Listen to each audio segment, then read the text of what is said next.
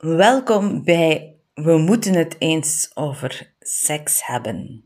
De podcast over seksueel en relationeel opvoeden.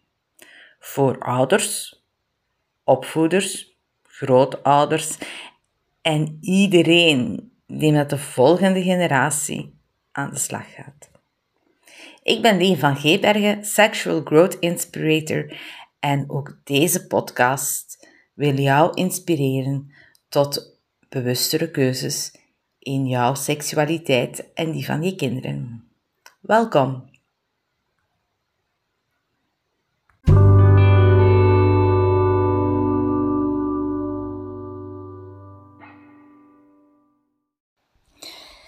Ik moet uh, een jaar of 11, 12, misschien 13 max geweest zijn. Toen ik een gesprek hoorde tussen mijn mama en papa. De discussie ging erover wanneer ze de laatste keer seks hadden gehad. Mijn moeder was blijkbaar een, een, een dag over tijd. Wat niet zo vreemd was, want ik heb uh, jaren later dezelfde anticonceptiepil als haar genomen. En um, die pil was vrij accuraat. Dat dan om de 28 dagen netjes uw uh, regels. Alleen was dat niet netjes 28 dagen, klokslag. Dat was altijd 28 dagen en een paar uur.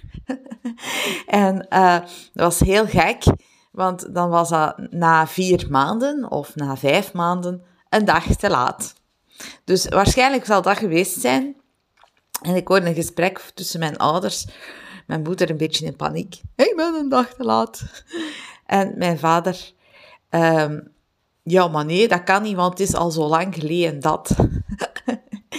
en uh, ik hoorde dan de discussie. Nee, het was toen die een dag, om, onder die omstandigheden. Um, en dat was eigenlijk de realisatie dat mijn ouders nog seks hadden. Ik denk dat voor de meeste kinderen heel um, schokkend is, een beetje, om daarachter te komen. Achter het feit van, die doen dat nog. Ekkes. um, hoe dat komt, eerst en vooral, hoe komt het dat kinderen dat heel vaak denken dat seks niks meer is voor hun ouders, dat seks vanaf uh, voor hun ouders eigenlijk niet meer nodig is of dat dat heel vaak niet meer gebeurt. Dat heeft eigenlijk twee dingen. Eerst en vooral worden wij in onze maatschappij een beetje geïndoctrineerd met het idee dat, uh, ja, dat seks iets is voor jonge mensen.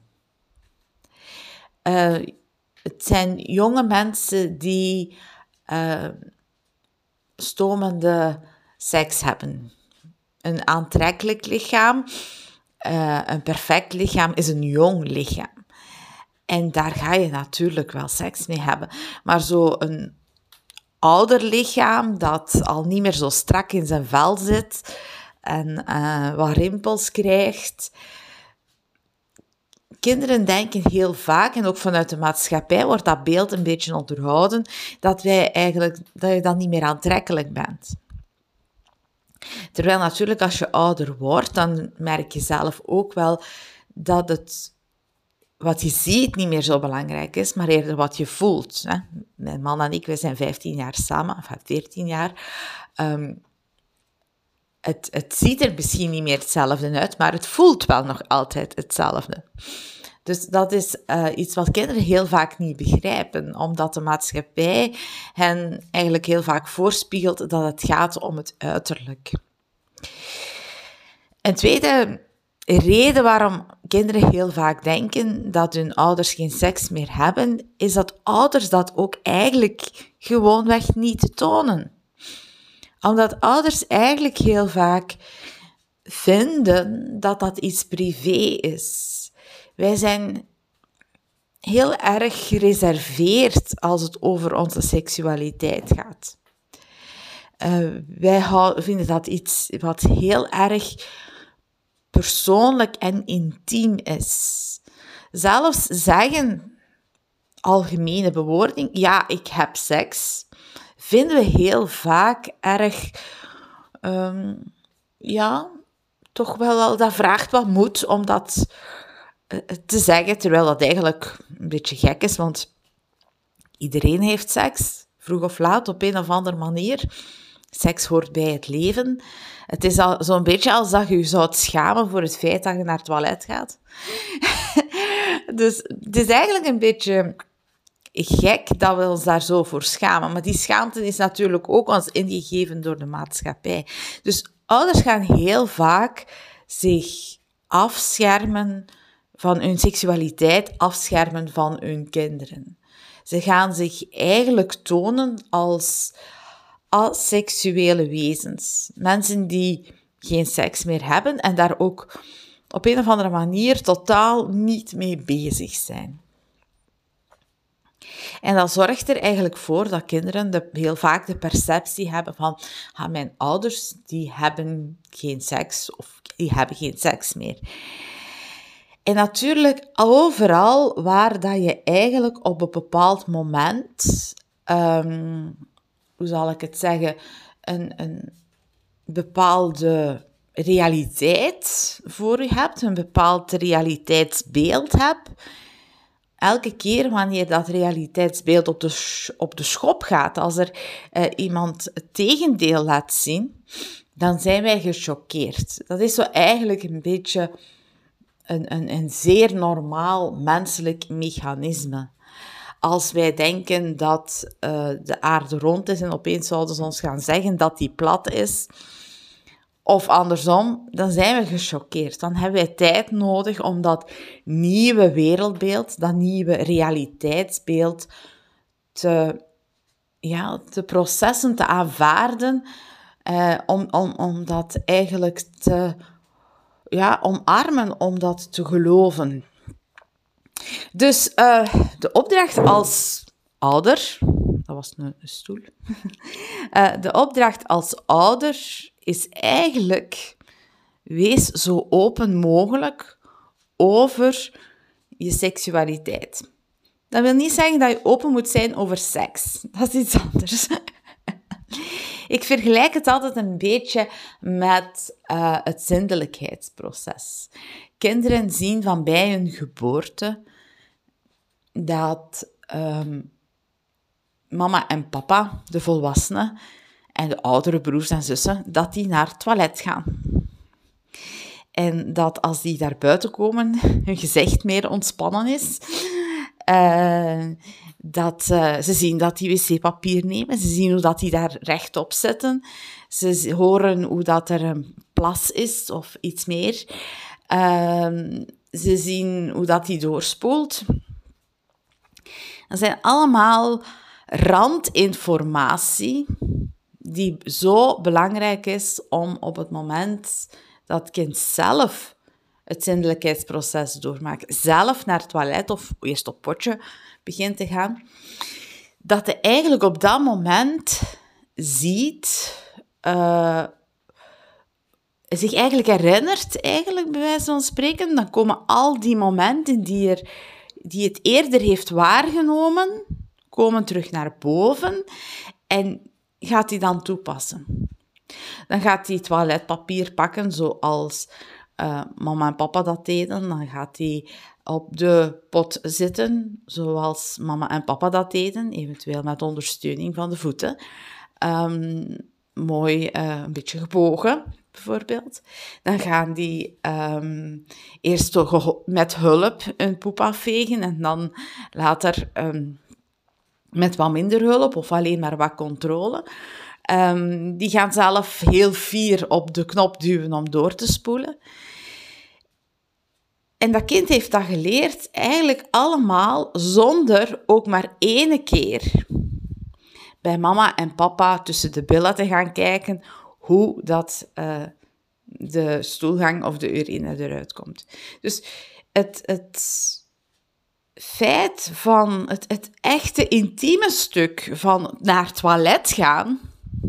Ja, een kind heeft dat nooit gezien. We zien dat trouwens bij onszelf ook niet. Maar uh, een kind heeft dat eigenlijk nooit gezien. Er is geen enkele peuter die eerst in de pot moet gehangen hebben vooraleer die zou zindelijk kunnen worden. Maar het is wel belangrijk dat al de randinformatie, al, de, al het hele randgebeuren, dat het kind daar wel mee betrokken wordt. Omdat dat eigenlijk hen nog het meest voorbereidt op het moment dat hij zelf naar het toilet moet gaan. En zo is eigenlijk een beetje hetzelfde met seks. Het moment van seks, ehm, de vrijpartij tussen mama en papa, dat hoeft een kind niet te zien eigenlijk. Ehm, dat is intiem. Dat is iets wat uh, tussen mama en papa plaatsvindt en dat hoeft een kind niet te zien. Maar al de randgebeurtenissen daar rond, die zijn wel belangrijk. Um, want juist door het afschermen ga je heel vaak ook die randgebeurtenissen afschermen. En dat gaat over iets heel simpels. Dingen als hoe initieer je lichamelijke toenadering? Dan hebben we het nog niet over seks. Dan hebben we het gewoon over um, hoe benadert mama papa en hoe benadert papa mama. Um, wordt er al eens op elkaars bil getikt? Wordt er al eens geknuffeld en gekust? Uh, of zijn mama en papa heel afstandelijk en hebben die blijkbaar alleen maar seks of alleen maar lichamelijke aanraking als die samen achter gesloten, deuren in bed liggen? Dat zijn allemaal dingen die voor een kind belangrijk zijn om te zien. Ik geef daar altijd een beetje het voorbeeld uh, van uh, heel veel meisjes, ook, ook jongens waarschijnlijk, hebben eh, de scènes gezien waarbij dat mama aan het afwassen is. En papa achter haar komt staan en haar wil vastpakken langs van achter. Al dan niet zeer close. En uh, heel veel vrouwen hebben zo de neiging om dan zo'n elleboogje te geven. Zo van, nee, nu niet. En zich los te wrinken. En de reden waarom dat heel veel vrouwen dat doen, is omdat ze hun moeder dat hebben zien doen. Dat is heel vreemd, want andersom, stel dat daar een man staat af te wassen en uh, zijn vrouw komt langs achter en vastpakken. Die man die legt direct zijn afwas aan de kant, die draait zich om en die pakt zijn vrouw vast. Dus andersom gebeur, is daar veel meer openheid. Maar vrouwen en meisjes hebben heel vaak gezien dat het niet netjes is uh, dat mama direct ja zegt.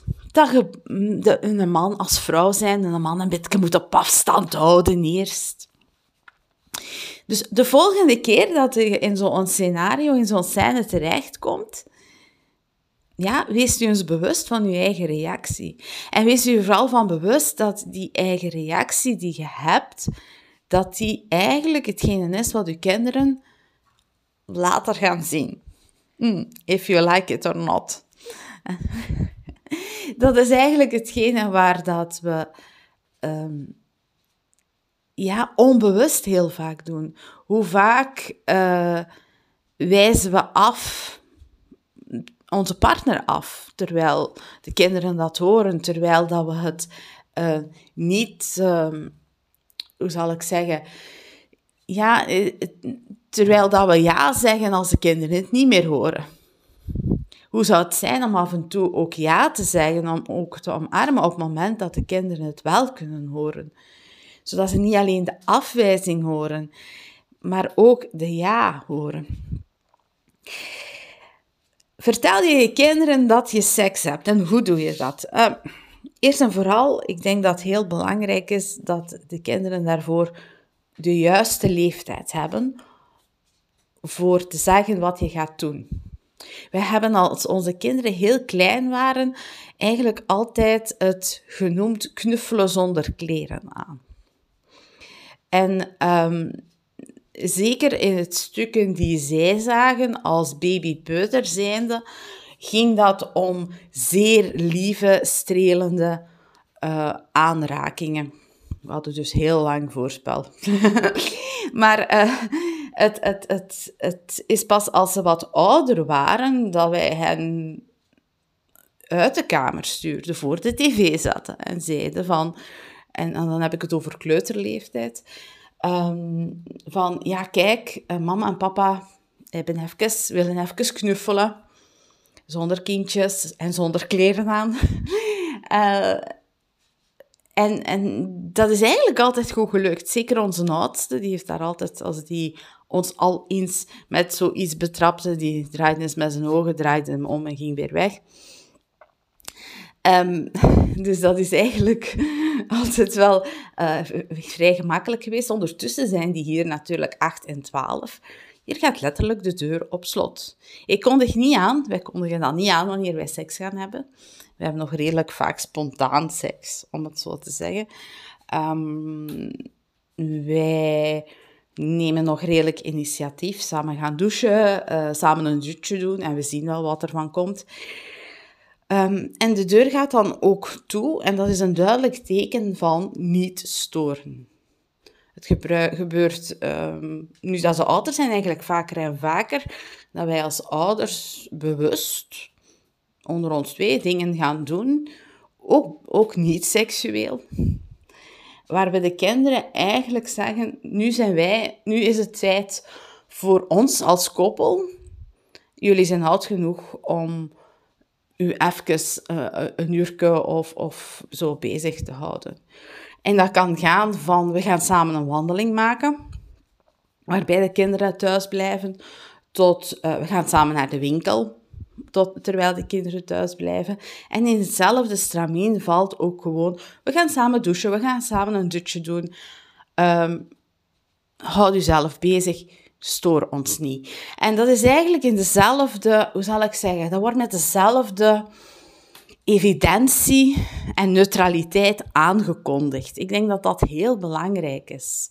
Dat op het moment dat je zegt, wij gaan samen douchen, of wij gaan samen een dutje doen, dat je dat als ouders niet meer um, spanning rondhangt. Dat je dat niet uh, met uh, meer um, lading zegt, dan dat je dat zegt, dan dat je zou zeggen, ha, wij gaan een blokje rondwandelen of wij gaan samen naar de winkel. En het, het is eigenlijk belangrijk dat kinderen voelen dat dat evident is in een relatie, dat dat erbij hoort, dat dat een deel is van een partnerrelatie.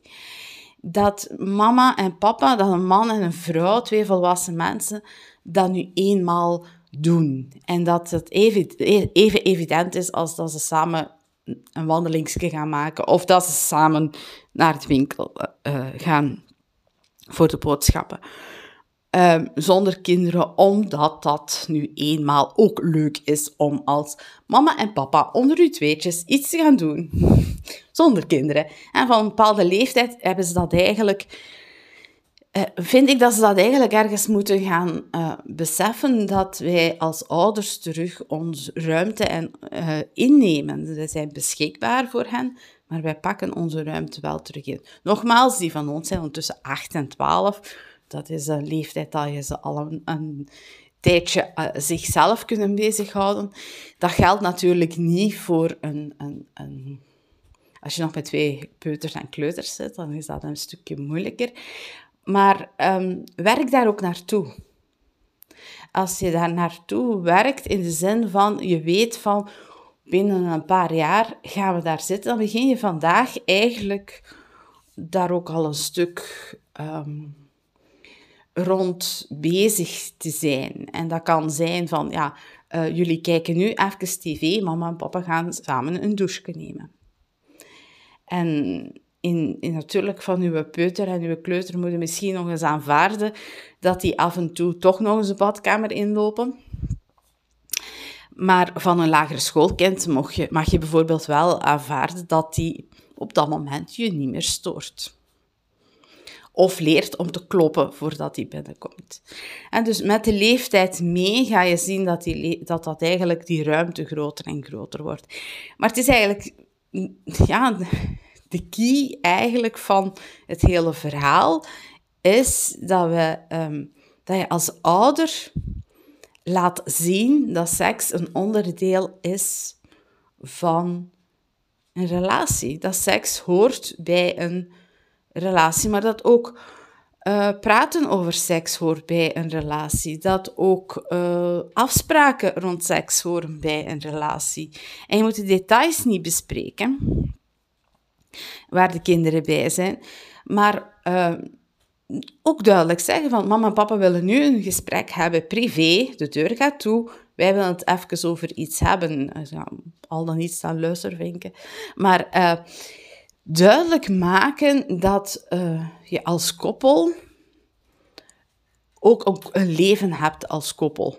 En ook een, relatie hebt als koppel. Ik denk dat dat heel belangrijk is voor kinderen, om hen eigenlijk later, um, ja, wanneer ze dan zelf die leeftijd en die situatie hebben, dan gaan die herinneringen die zij nu opbouwen, die gaan dan terugkomen. En die gaan hen dan helpen om de vaardigheden toe te passen. En dat is eigenlijk hetgene waar dat het om gaat. Vandaag zoveel mogelijk uh, interactie geven, zoveel mogelijk voorleven. En daar gaan ze nu niks mee doen. Maar als ze later zelf volwassen zijn, in de situatie dat jullie nu zitten, dan gaan zij zich dat herinneren. En gaan ze zeggen, ah ja, bij mama en papa in der tijd was dat zo, zo, zo of zo. Goed, dus uh, ik zal zeggen, experimenteer een beetje daarmee. Probeer eens met uh, je kinderen subtiel in die richting te gaan. Begin heel simpel. Met samen een douche pakken met de deur op slot. Um, of gewoon dicht. Samen een dutje doen. Um, geen grote aankondigingen, maar peil naar hun reacties. En als ze vragen hebben, geef uitleg.